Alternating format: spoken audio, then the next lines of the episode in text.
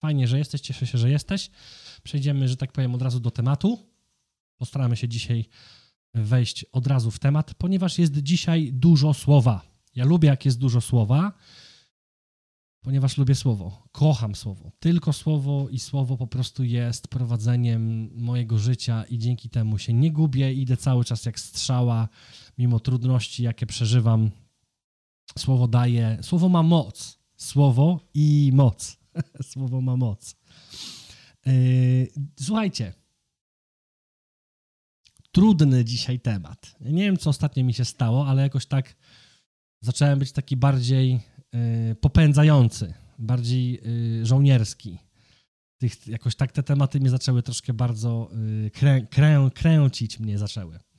Otóż dzisiaj trochę w tym temacie, w takim kluczu tej armii Pana, o której mówiłem jakiś czas temu, do czego moje serce zmierza, jaką mam wizję w sercu względem y, kolejnych iluś tam dziesięciu lat dla Kościoła i bardzo zależy mi na tym, aby też przygotowywać nas wszystkich, bo ja to dzisiaj do siebie też mówię. Pamiętaj, że zawsze jak głoszę, to w pierwszej kolejności głoszę mła do siebie, a później do was. Więc dzisiaj y, też do siebie głoszę. To nie jest tak, że ja wszystko mam załatwione, bo to jest nieprawda. Y, nie ma ludzi doskonałych i nigdy nie będzie. I być może tak, ktoś chodzi już z Panem jakiś czas, przeszedł już jakiś proces mm, tego wzrostu chrześcijanina i jest w innym miejscu niż, ty, ale to nie znaczy, że jest y, w lepszym miejscu, że sobie ze wszystkim radzi i że nie ma problemów, bo to jest nieprawda. A więc dzisiaj porozmawiamy o y, takim wy, wyrazie, które się zwie przesiewać. Przesiejecie. Przesiać. Chyba. Jakoś tak to się może odmienia. Y, ponieważ jest on jakby trochę związany z tym tematem y, armii Pana. Bo zawsze jak mówię o armii Pana, to przyświeca mi temat czasu ostatecznego. Oczywiście wiecie, że my żyjemy w czasach ostatecznych, nie? W sensie takim, że odkąd Jezus Chrystus przyszedł na świat, umarł za nas i wrócił z powrotem, zmartwychwstał i wrócił do nieba, to my żyjemy w czasach ostatecznych. I teraz w tym czasie ostatecznym jest napisane w Słowie Bożym, że jest to czas łaski. Czyli, że Bóg jest bardzo, bardzo, bardzo łaskawy. Jakbyśmy mieli wyciągnąć najważniejszą cechę na ten czas Boga, to to jest właśnie łaskawość. Yy, I teraz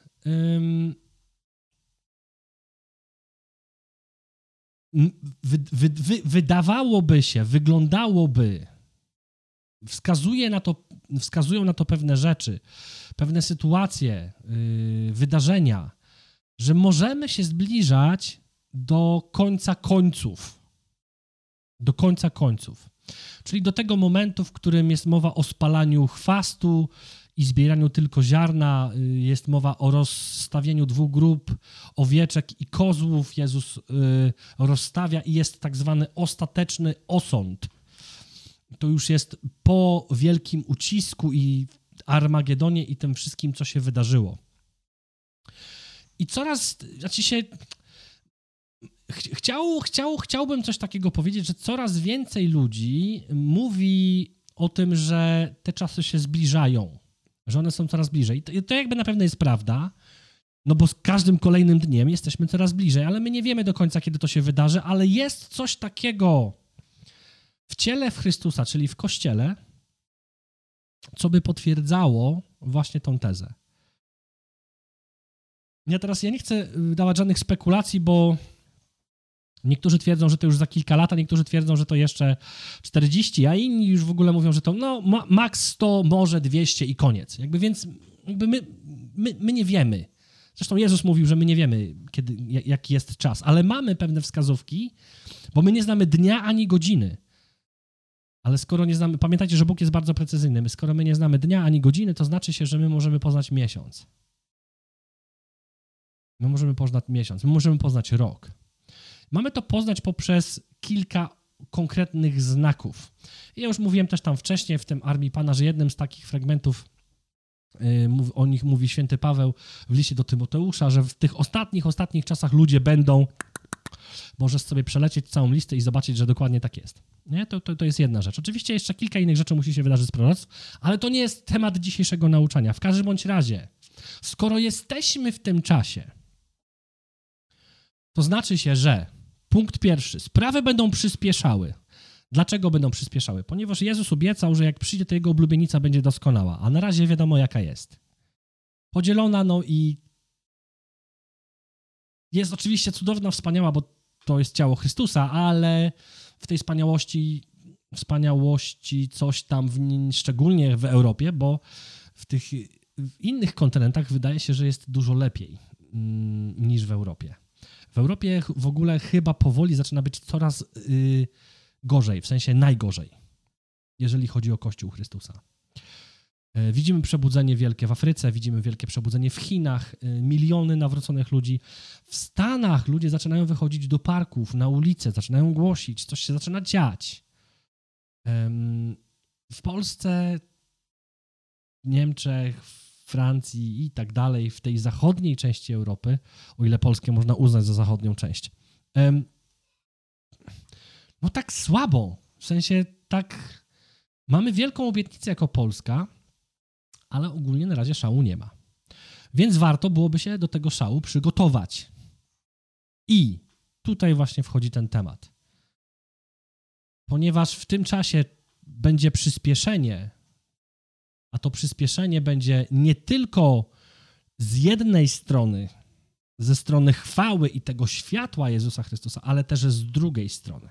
I to jest też obietnica Pisma Świętego i tu nie ma co się bać, yy, jakby, bo chrześcijanin nie powinien się w ogóle bać, ale jakby to, to po prostu jest obietnica Pisma Świętego, że tam w tych końcowych tak momentach, czasach, ta ciemność będzie coraz większa, ale też jasność będzie coraz bardziej świeciła. To jest to przyspieszenie. I jakby to w, to w tym kluczu chcę Wam dzisiaj właśnie powiedzieć o tym przesianiu. I spojrzymy dokładnie w pismo, yy, co na ten temat mówi. I pójdziemy do pierwszego fragmentu pisma. Yy, to jest do Ewangelii Jana, rozdział 14, werset 30.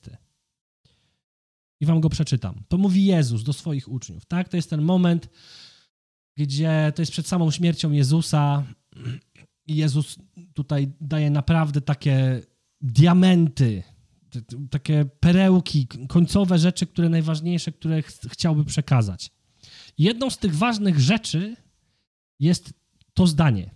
Samo jedno zdanie ma bardzo dużo w sobie. Czytam wam. Już nie będę z wami wiele mówił. To jest to, co mówi Jezus. Jakby nie mam wiele, nie zostało mi wiele czasu. Bardzo mało czasu mi zostało. Więc jakby Jezus podkreśla, tak? Weźcie kartki, długopis, rekordery, MP3, słuchawki, mikrofon, tak? Skupcie się. Jezus mówi, skupcie się, mówię do was ważną rzecz. Nadchodzi bowiem władca tego świata, a on we mnie nic nie ma. Inaczej moglibyśmy powiedzieć, on ze mną nie ma, jak byśmy dzisiaj mieli powiedzieć, on nie ma ze mną nic wspólnego. Zero. On i ja to jesteśmy dwie różne strony. Nic, nic nas nie łączy w żaden sposób.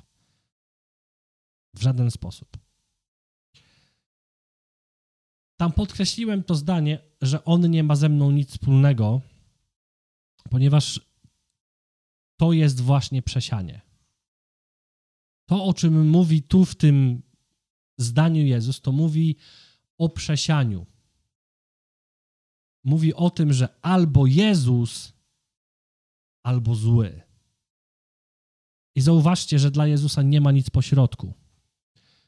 Zresztą też jak przeczytamy y, list, jeden z siedmiu listów do, Laodycei, jak dobrze pamiętam, w którym jest mowa o tym, że mm, Jezus nie lubi letnich, bo to Jezus y, jakby mówi, tak, pisze do kościołów i mówi, wypluje ci jakby ten niesmak, e, nie chce. Mówi nie, tych letnich nie chce. Wszystko, co jest po środku, między jedną stroną a drugą stroną jest niedobre. Musisz wybrać albo światło, albo jak nie wybierzesz światła, to samo się wybierze. Czasami niektórzy, mam wrażenie, ludzie, że myślą, um, myślą coś, coś w tym stylu, że y, no to dobra, no to skoro ja tutaj nie jestem w pełni tu po tej stronie, to tak sobie będę, gdzie jestem i, i może, ale tam nie ma może, tam nie ma środka. I chciałbym wam dzisiaj właśnie powiedzieć o tym, że prędzej czy później jedno królestwo albo drugie królestwo ciebie przesieje. Obydwa królestwa przesiewają. Chciałbym, żebyś miał tego świadomość, że królestwo Boże przesiewa i królestwo szatana także przesiewa. I dzisiaj o tym będziemy mówić. E, przejdźmy do kolejnego fragmentu i spójrzmy spójrzmy tutaj w Mateuszu, w Ewangelii Mateusza 3 rozdział, wersety 7-12. Taki przytukawy fragment, ale wam go przeczytam całego. O tym, jak Jan Chrzciciel mówi, e, co to jest przesianie i jak to działa. Czytam wam fragment. A gdy zobaczył wielu spośród faryzeuszy i sadyceuszy, przechodzących do chrztu, powiedział im, plemię żmijowe, Któż was ostrzegł, żebyście uciekali przed nadchodzącym gniewem? Pamiętajcie, że reprezentacją słowa gniew jest też czas ostateczny. Wydajcie więc owoce godne pokuty. Pokuta jest związana z godnym, z dobrym owocem. To znaczy się, że skoro jest dobry owoc, to można przynosić i złe owoce. A nie myślcie, że możecie sobie mówić, naszym ojcem jest Abraham. Mówię wam bowiem, że Bóg może i z tych kamieni wzbudzić dzieci Abrahamowi. Już i siekiera do korzenia drzew jest przyłożona. Każde, podkreślam więc, drzewo, które nie wydaje dobrego owocu, zostaje wycięte i wrzucone w ogień. Ja was chrzczę wodą ku pokucie. Dokładnie o tym mówi Jan Chrzciciel, że ten chrzest jest po to, abyśmy pokutowali, pokutujemy po to, abyśmy mogli wybrać dobry owoc. Ten zaś, który idzie za mną, jest mocniejszy ode mnie. Nie jestem godny nosić mu obuwia, mówi Jan. On będzie was chrzcił duchem świętym. Można byłoby powiedzieć, że inaczej też symbolem Ducha Świętego jest wiatr. Duchem Świętym i ogniem. Ma swoje wiejadło w ręku i wyczyści swoje klepisko i zgromadzi swoją pszenicę do spichlerza. A plewy spali w ogniu nieugaszonym.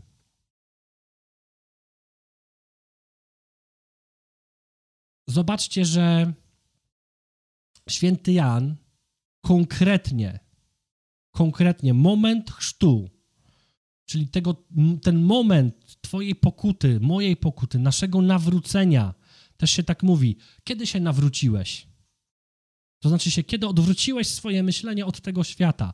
I Jan symbolicznie chrzci w wodzie ku pokucie, mówi, ale za mną idzie mocniejszy, bo on też będzie chrzcił i on będzie prawdziwie chrzcił, ale on będzie chrzcił Duchem Świętym i ogniem. Dlaczego Duchem Świętym i ogniem? Ponieważ wiatrem i ogniem. Wiecie co, ja wiele lat się zastanawiałem, co to jest to wiejadło. I nigdy mi się nie chciało tego sprawdzić. I tak naprawdę dopiero teraz przy tym nauczaniu to sprawdziłem. Wiejadło to jest coś takiego, że jak już masz ścięte to zboże, to tym wiejadłem po prostu tam grzebiesz w tym zbożu i podrzucasz do góry. I w momencie, jak wrzucasz do góry, to to ziarno ma upadać na ziemię, a te plewy, ta cała reszta, która jest nikomu do niczego niepotrzebna. Tam mogą być też i chwasty. Pamiętacie, jak tą przypowieść mówił. Um, jest też przypowieść taka, nie? Yy, w Ewangelii, gdzie przychodzą słudzy i mówią: Nie nasiałeś panie chwastu, jak to zboże dobrze? Nie, nie, wszystko dobrze. Jest to trzymamy. Nie, nie ścinajcie.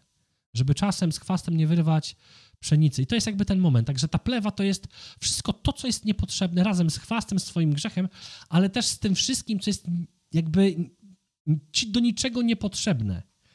I najpierw wieje wiatr, jak podrzuca się to do góry, to wieje wiatr i ten wiatr powoduje, że to ziarno oddziela się od tych plew.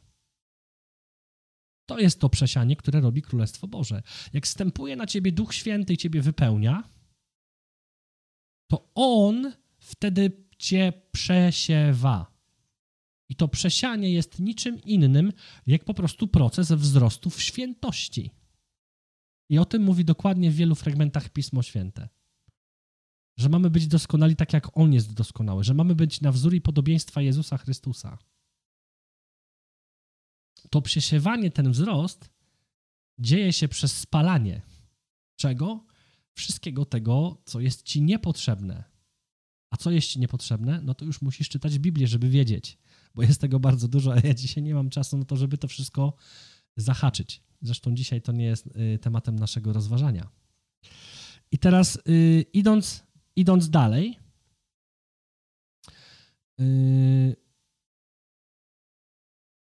jeżeli nie, nie przygarniesz, uwaga, posłuchaj mnie, bo teraz, teraz powiem Ci bardzo ważną rzecz. Jeżeli nie przygarniesz, nie zaakceptujesz tego procesu przesiewu, to prędzej czy później drugie królestwo od szatana ciebie, czy też mnie przesieje. Tego zachęcam cię już teraz. Na końcu się będziemy o to modlili, modlili się. Ale poddaj się procesowi.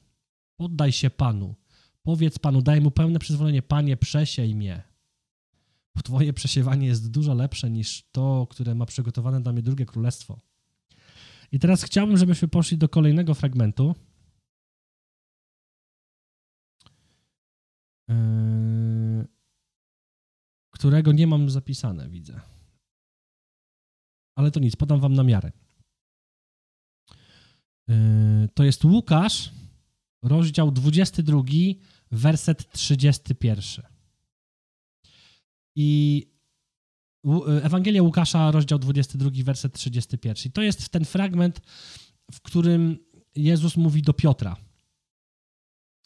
I on tam mówi, e, Piotrze, szatan y, jakby wymagał, ja tak mówię tak troszkę bardziej z tego oryginalnego języka, żeby was przesiać, bo tam jest, on tam mówi do świętego Piotra, ale jak tam się przyjrzymy w gramatyce, jak dobrze pamiętam, to tam Jezus mówi, jakby mówi do niego, ale chodzi o was. Jakby Szatan domagał się, żeby, żeby przesiać was jak pszenicę. Ale ja mu na to nie pozwoliłem. A to nam daje jasno do zrozumienia, że drugie królestwo też przesiewa. Tylko, że drugie królestwo przesiewa inaczej niż pierwsze królestwo.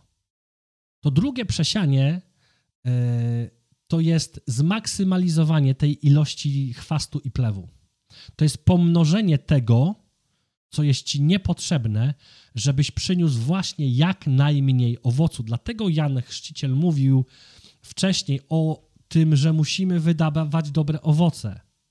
Bo jak masz w sobie Ducha Świętego, to Duch Święty, że tak powiem, produkuje w tobie świętość. Bez dwóch zdań.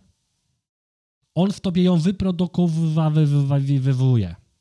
On ją w tobie rozmnaża. On ją w, w tobie powiela.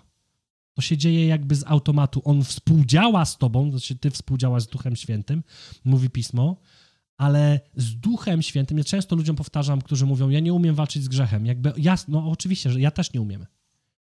Ale dzięki Duchowi Świętemu, który jest we mnie, On dał mi moc i On przesiał mnie w pewnych aspektach, gdzie ja teraz nie mam problemu z grzechami, z którymi miałem w wieczności problemy. Jest ci potrzebny Duch Święty i jego owoce. Dobra, bo to jest troszkę inne nauczanie. Jedziemy dalej. I teraz pójdziemy do pewnej historii, która dokładnie ilustruje to, co wam chcę powiedzieć. To jest bardzo długa historia, więc ja nie będę jej całej czytał z całego rozdziału, ale będę zahaczał o konkretne wersety. A mianowicie pójdziemy do drugiej księgi królewskiej, rozdział trzeci. Druga Księga Królewska, rozdział trzeci, wersety 1-3 na początku. Zachęcam Ciebie gorąco w wolnym czasie, przeczytaj sobie e, cały rozdział trzeci i cały rozdział czwarty. Słuchajcie, wiele osób teraz zadaje mi, mi, mi pytania, ja ze względu tego, że to później inni ludzie oglądają, na razie nie odpowiadam na pytania, ale obiecam wam, że później pod koniec y, nauczania odpowiem na te pytania. Także bądźcie, zostańcie ze mną.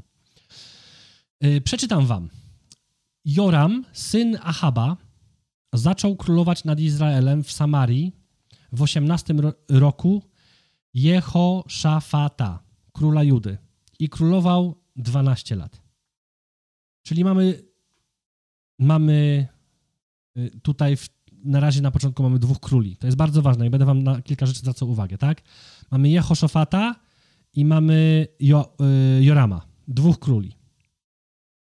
I teraz mowa jest o tym y, Joramie, że on czynił to, co złe w oczach Pana, choć nie tak jak jego ojciec i matka. To znaczy się, że jego ojciec i matka byli gorsi. Jest napisane nawet, że usunął bowiem posąg Baala, który sporządził jego ojciec. Czyli usunął ołtarz, na którym były składane ofiary dla yy, pogańskiego boga. I jest dalej napisane, podkreślam wam, trwał jednak w grzechach Jeroobama, czyli swojego ojca, syna Nebata. Y, w sensie ojca tam z któregoś pokolenia, tego jednego z najgorszych, który przywiódł Izraela do grzechu.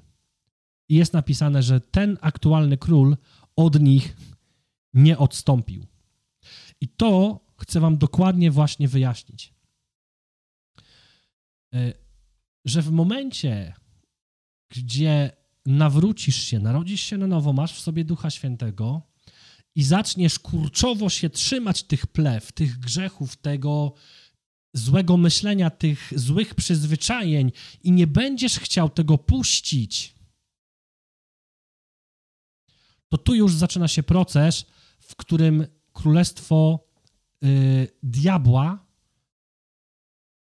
dostaje przyzwolenie do Twojego życia, żeby Ciebie przes, przes, przesiać. Trudne słowo. Już w tym momencie się zaczyna ten proces. Ponieważ Ty nie chcesz puścić. Jest też napisane o tym, że on nie był taki zły, nie? No bo nie robił tak źle jak jego ojciec i jego jeszcze ojciec i praojciec i tam kolejny, nie? No bo coś tam dobrego zrobił, ale jednak mimo wszystko trwał w grzechu. Czyli innymi słowem, dzisiaj mogliśmy powiedzieć, że był letni. Dalej w tej historii, to już wam opowiem, to wygląda mniej więcej w ten sposób. Że jest taki Michasz, e, Moabita, który miał umowę z Izraelem bo mamy Izrael na północy i mamy Judę na południu. E, I z tym królem na północy, z Izraelem, miał taką umowę, żeby dostarczać dużą ilość e, baranów i baranków. Ogólnie chodzi o mięso, jagnięcinę i o wełnę, czyli dwa najbardziej potrzebne składniki do, do przetrwania dla człowieka. I Michasz, jak to mówią Anglecy, bless him, stwierdził, że no ten y, Joram to jest taka klucha, i bo nie jest taki zły jak jego ojciec, bo jego ojca to się bałem, a jego to mam głęboko w poważaniu. Może mi naskoczyć. Nic mi nie zrobi, nie boję się go nie będę mu tego oddawał. I zbuntował się. Joram w panice y, stwierdził, że coś musi z tym zrobić, bo będąc królem nie poradzi sobie z królowaniem, gdzie nie zaopatrzy swój lud w odpowiednią ilość żywności i ubrania. I stwierdza, że złączy swoje siły y, z Jehoszofatem. Tak jest. Więc idzie do niego, a Jehoszafat jest prawowitym królem. Napisane, że miał serce po, po sercu Dawidowym. Jakby miał dobre serce. Był dobrym królem. Był królem, który słuchał Boga, czyli nie był letni. Miał konkretnie wytyczone zasady, których przestrzegał wtedy w Starym Testamencie. I podobał się Panu. To jest bardzo istotna informacja. Eee...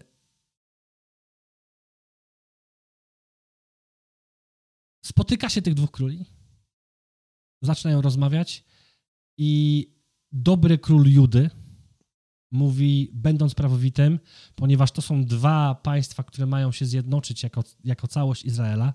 Tam po prostu na pewnym etapie się rozłączyli, ale Bóg cały czas traktował te dwie części jako, jako naród wybrany. I mówi: Twoje konie, moje konie, Twoje rydwany, moje rydwany. Wszystko mamy wspólne. Nie ma problemu. Idę z Tobą. Ty jesteś mój brat. Z Tobą pójdę. No i pyta się go, którędy pójdziemy. I tu się zaczyna już pierwsza yy, sprawka. Jak jesteś letni, albo osoby, które są letnie, może tak, żebym nie wskazywał konkretnie na kogoś, to mają problemy y, ze stałością, ze stabilnością. Są młode duchowo i zaczynają kombinować i wymyślać. I y, Joram mówi, y, mimo tego, że jest krócej z tamtego miejsca przejść do Moabitów przez Edom, nie przez Edom, tylko w drugą stronę, to właśnie decydują się, żeby iść naokoło jeziora, na południe, dłuższą drogą do, y, do, do Edomu, żeby tam zebrać trzeciego króla, no bo jeszcze za mało na tych Moabitów. I jak tamtędy pójdziemy i będziemy mieli króla, y, będzie nas trzech króli dodatkowo jego armię, to wtedy bez problemu załatwimy y, Moabitów. No i zrobili. Tylko, że z tym zakombinowaniem tak zrobili, że w trakcie, gdzie szli, gdy szli, zabrakło im wody. I sytuacja zaczęła być tragiczna. Joram zaczął panikować. A! Bóg zesłał na nas cierpienia, susza taka, Bóg stanął przeciwko trzem królom, zginiemy wszyscy, całe armie zginą z wyczęcienia na pustyni. Czyli nie dość, że on jest grzesznikiem, on wymyśla, nie słuchając słowa Bożego, to jeszcze zrzuca na Pana Boga, że to jest jego wina, że go spotykają nieszczęścia. I słuchajcie, tak bardzo często się robi. Bardzo często tak się dzieje. Ludzie trwają w grzechach, w swoim przewrotnym myśleniu, zachowując sobie pewną rzecz i dziwią się, że się dzieją trudne rzeczy. A dzieją się trudne rzeczy dlatego, że dałeś przystęp szatanowi i on właśnie ciebie przesiewa. Bo albo jesteś z jednego królestwa, albo z drugiego. Nie ma nic pośrodku. Nie ma letności. Nie w tym wymiarze rzeczywistości. Nie? Pamiętaj, że cię kocham. Strasznie cię kocham. Strasznie cię lubię. Usłysz mnie dzisiaj. Nie, nie chcę, żeby to wybrzmiało negatywnie dla osądzenia ciebie, tylko że chcę, żebyś usłyszał prawdę biblijną, żeby ona ci pomogła w procesie twojego przesiewania i moje, mojego. Ok, jedziemy dalej. Druga Księga Królewska, tym razem rozdział trzeci, werset dziewiąty. Werset dziewiąty. I werset dziewiąty brzmi następująco. Wyruszyli więc król Izraela, król Judy i król Edomu, tu już mówiłem o tych trzech królestwach, a gdy krążyli, bo szli nie krótszą drogą, tylko dłuższą, przez siedem dni zabrakło im wody dla wojska i dla bydła, które szło z nimi. I teraz uwaga, posłuchaj mnie, bo o tym to już ci mówiłem, trochę pojechałem do przodu, ale jeżeli jesteś Bożym człowiekiem, Bożym dzieckiem, mężczyzną czy kobietą, złym jest współufalanie się z ludźmi letnimi. Ponieważ jak z nimi pójdziesz, ponieważ oni wywrą na ciebie wpływ, a będąc z nimi, poświęcają im, poświęcając im czas, mają na ciebie wpływ. Tak czy inaczej, czy tego chcesz, czy nie chcesz. To prędzej czy później wciągną cię w kabały, w karapaty, w dół w nie w ta, w nie w ta strona. A z drugiej strony, skoro jesteś letni, to słuchaj dalej. To słuchaj dalej. Pojedziemy teraz do wersetów 13 i 14. E, a, jeszcze muszę kontekst powiedzieć, bo się zajechałem. W każdym bądź razie, nie mają wody, Joram y, biadoli, zrzędzi, narzeka, jęczy, umrzemy, śmierć, tragedia. Już po nas? A y, Je, Jehoszofat, czy jak dobrze pamiętam, mówi, nie, nie, stop, ogarnij się. Czy jest tu ktoś, kto może nam przekazać słowo od Pana? Zobaczcie, Boży ludzie mają konkretne, trzeźwe myślenie. Niezależnie jaka jest teraz rzeczywistość, jaka jest okoliczność. Nie, nie, nie, stop.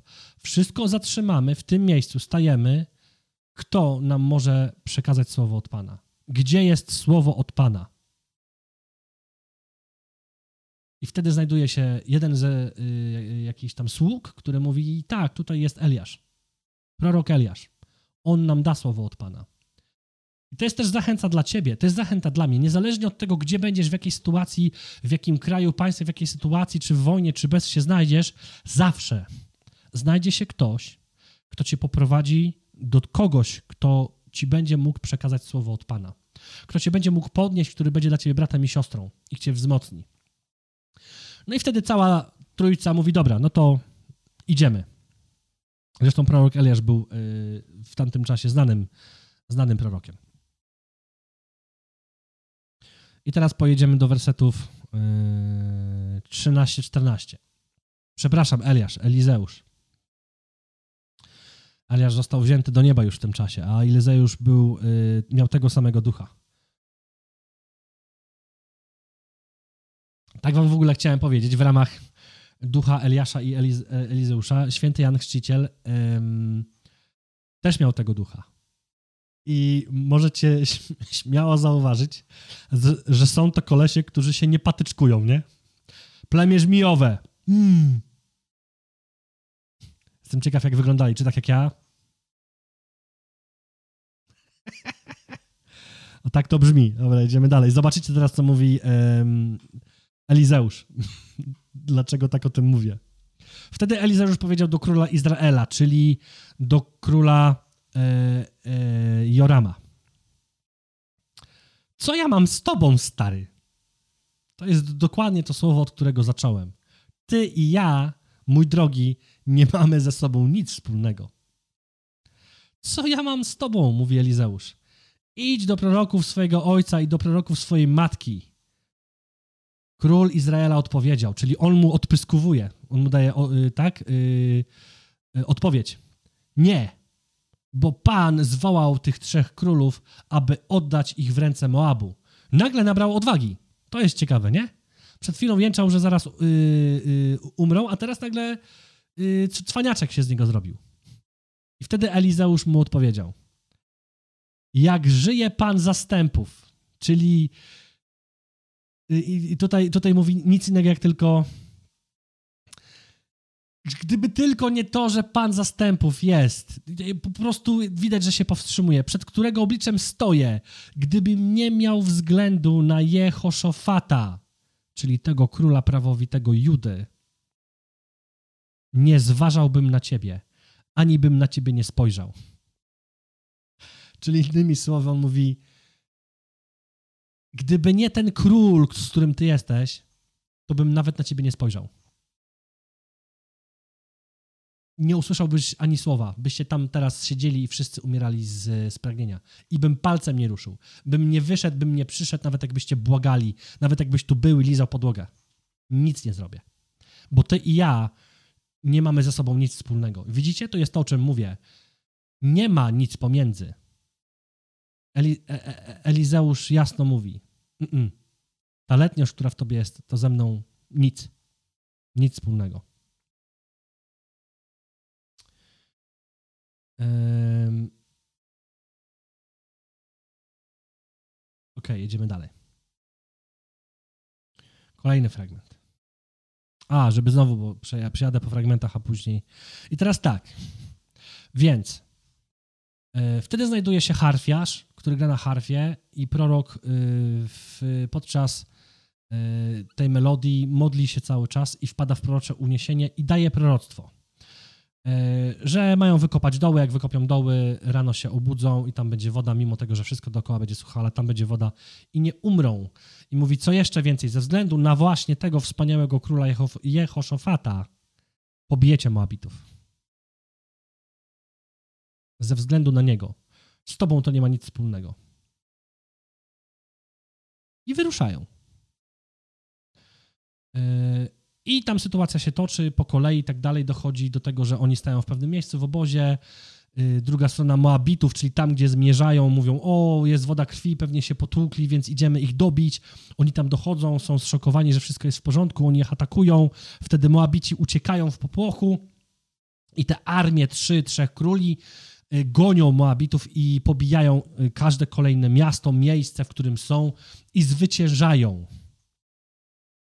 I w momencie, gdy dochodzą już do prawie że zwycięstwa do końca, bo pokonali dużą, dużą większość całego kraju Moabitów, dzieje się bardzo, bardzo dziwna rzecz. Dzieje się bardzo dziwna rzecz. Otóż przejdźmy do e, ostatniego fragmentu, czyli do wersetów 26, 27. Tylko tu mam napisany rozdział trzeci, ale wydaje mi się, że to jest rozdział czwarty. Jak, ktoś może dla mnie sprawdzić, to, y, to poproszę, bo chyba nie ogarnąłem. Albo może ten sam rozdział. Nie, chyba nie ten sam. A może ten sam. Dobra, trzeci. Zostawimy trzeci. Przepraszam, zamieszanie. Przejdźmy do fragmentu. Czytam. Kiedy król Moabu zobaczył, że nie podoła walce, czyli tego państwa, które zostało już prawie podbite. Czyli oni już przegrywają, wiedzą, że już przegrali i że już nie ma żadnych szans. I gdy ich król tego przegranego państwa widzi, że tak się dzieje, dzieje że nie podałają walce, że nie ma szans, wziął ze sobą 700 mężczyzn dobywających miecz, aby się przebić do króla Edomu. Domyślam się, że tu chodzi, że była jakaś walka i były. Yy, yy, pokażę na chwilę kamerę. Że była jakaś walka i po prostu były yy, po prostu te armie w jakichś tam pewnych miejscach. Nie, że była jakaś armia na jakimś polu bitwy. I on mówi: Dobra, ten oddział 700 idzie ze mną i spróbujemy przebić się do króla Edomu, żeby go zabić. Jak go zabijemy, spadną morale, pewnie o to chodziło, tak? I bierze 700, 700 ludzi, ale mu się nie udaje przebić. Ale nie zdołał tego zrobić. Więc wtedy z desperacji ten król Moabu, ponieważ był przewrotnym królem i pogańskim, wziął swego pierworodnego syna, który miał królować w jego miejsce i złożył go jako całopalenie na murze. Dla wizualizacji. Może drastyczne, ale chciałbym, żebyś to wiedział. Przybili go do muru i podpalili. Po prostu. I zrobił to ojciec swojemu własnemu synowi. Tego, który miał być jego y, zastępcą. Dlaczego to zrobił? Ponieważ on wierzył w demoniczną moc. I on chciał ściągnąć tą moc demoniczną, większą moc demoniczną, poprzez tą ofiarę, żeby zwyciężyć tą bitwę. I uwaga, Wtedy powstało wielkie oburzenie przeciw Izraelowi. Tu, gdzie mamy wyraz oburzenie, w niektórych tłumaczeniach jest e, taki wyraz angielski wrath, czyli gniew, szał, amok. Przeciwko komu? Przeciwko Izraelowi. Mamy trzy królestwa: Edom, Judę i Izrael. Edom, wszystko w porządku. Nawet nie mamy zresztą nazwy tego króla z Edomu. Mamy Jehoszafata, wszystko w porządku. Oni dwóch są chronieni, ale cały ten szał i gniew spada na tego jednego letniego, grzesznego króla Jorama. I tam ta cała siła uderza. I zobaczcie, jaka jest końcówka e, tego rozdziału. Oni więc odstąpili od niego i wrócili do swej ziemi. Po prostu. Sprawa się zakończyła. Nie było zwycięstwa końcowego. Mimo tego, że podbili większość Moabitów. Można było powiedzieć, że odnieśli zwycięstwo. W sumie w takich kartach historii można byłoby powiedzieć, że to było zwycięstwo, więc Bóg powiedział prawdę, że to było zwycięstwo. Ale to przesianie przez królestwo diabła w tym momencie ukazało grzeszność Jorama. I przesiało go. Jak raczej mówi, zebrał plony. Zebrał plony swoich owoców.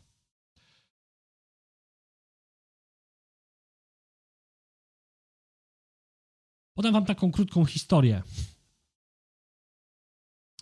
Jakby znowu, nie chcę nikogo straszyć, to nie jest moja historia, nie mam możliwości jej yy, potwierdzenia, ale yy, człowiek wydaje się bardzo Boży, zresztą jest znany na całym świecie, yy, jeździ, głosi Ewangelię, więc wierzę mu. I on opowiada o takiej sytuacji, gdzie pojechali w, w 20 osób do Afryki gdzie jeszcze wtedy, w tamtych czasach, to był e, kraj bardzo mocno pogański, oparty na wierzeniach, kultach cudzych, cudzych, bo, e, bo, cudzych bożków, czyli tak naprawdę mocno yy, związane z czarami, z zaklęciami, no z całym złem. Jechali w 20 osób i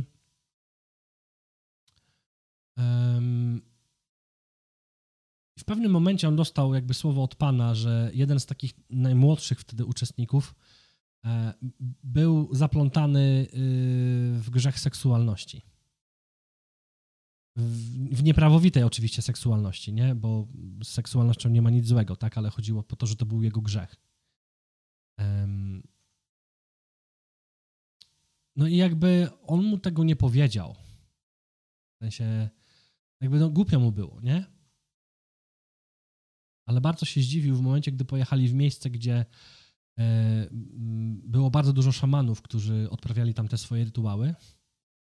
I on po prostu, po, najzwyczajniej w świecie wracając z tej wioski, po prostu um, zbladł, padł. Um, po prostu be, bez przyczyny. On, już byli przekonani, że umarł, jakby, że, że nie, nie da rady się go odzyskać. Dlaczego wam o tym mówię? Słuchajcie, y, y, z żoną naprawdę mamy y, styczność z ludźmi, którzy wplątali się w takie nieboże złe rzeczy. To są naprawdę trudne sprawy. I one zaczynają się już od momentu, nie jak się już paprasz tam na samym końcu w najgorszych jakichś dziwnych rzeczach, a wydaje ci się, że robisz dobrze, tylko już wtedy, kiedy zaczynasz być letnim. Dlatego ja dzisiaj o tym mówię. Mówię o tym przesianiu. Jeżeli nawet chodzisz teraz z Panem, a jeżeli nie chodzisz, to to jest zachęta dla ciebie, że jak już będziesz chodził, żebyś pamiętał, żebyś nie popełnił tego błędu. Proszę cię, i o to się za, dosłownie za chwileczkę będziemy modlić, poddaj się procesowi przesiewania, ale procesowi Ducha Świętego.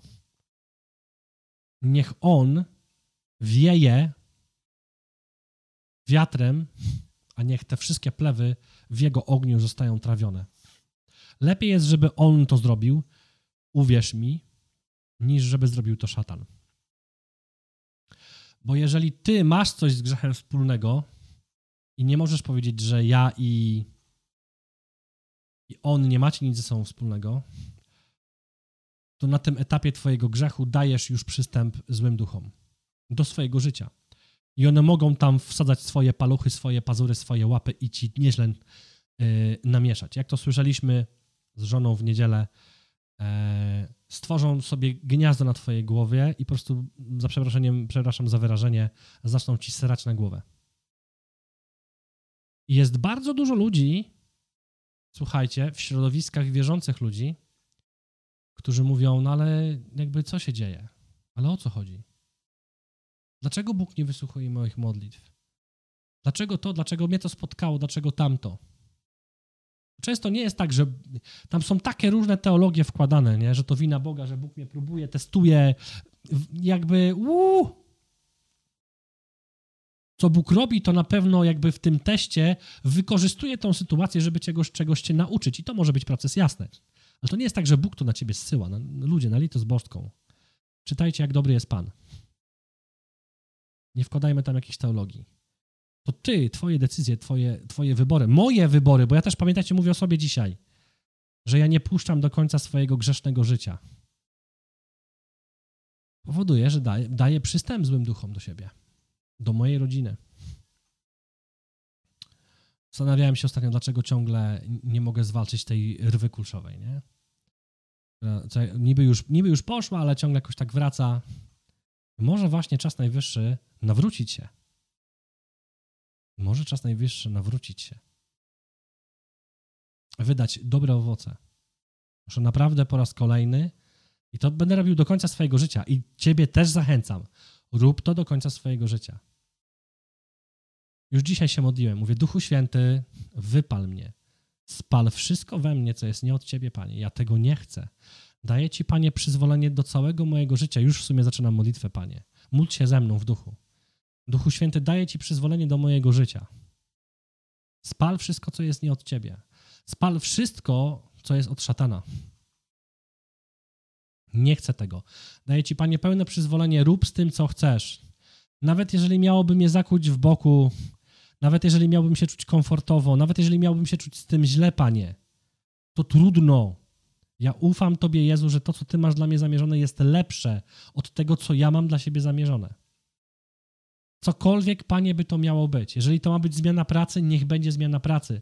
Jeżeli to ma być zmiana środowiska, niech to będzie zmiana środowiska. Jeżeli to ma być wyrwanie mnie z, z tego miejsca zamieszkania, w których, je, w których jestem, niech to będzie wyrwanie z tego miejsca zamieszkania. Jeżeli to ma być wyrwanie mnie z Polski do innego kraju, Panie, niech tak się stanie.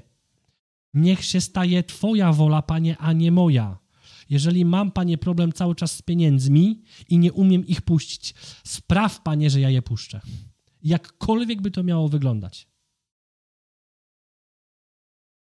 Panie, skoro mówię, że moje całe życie należy do Ciebie, to niech w końcu całe moje życie należało do Ciebie. Panie, niech ja sam skończę z gierkami. Skończę z romansikami, z lenistwem, z chamstwem, z wszelkim grzechem tego świata, Panie, cokolwiek by to nie było. Daj mi, Panie, siłę to puścić. Przemień mnie, o Panie. Tak mnie złam, tak mnie skrusz, tak mnie wypal, Panie. Byś został tylko Ty. Byś został tylko Ty. Amen.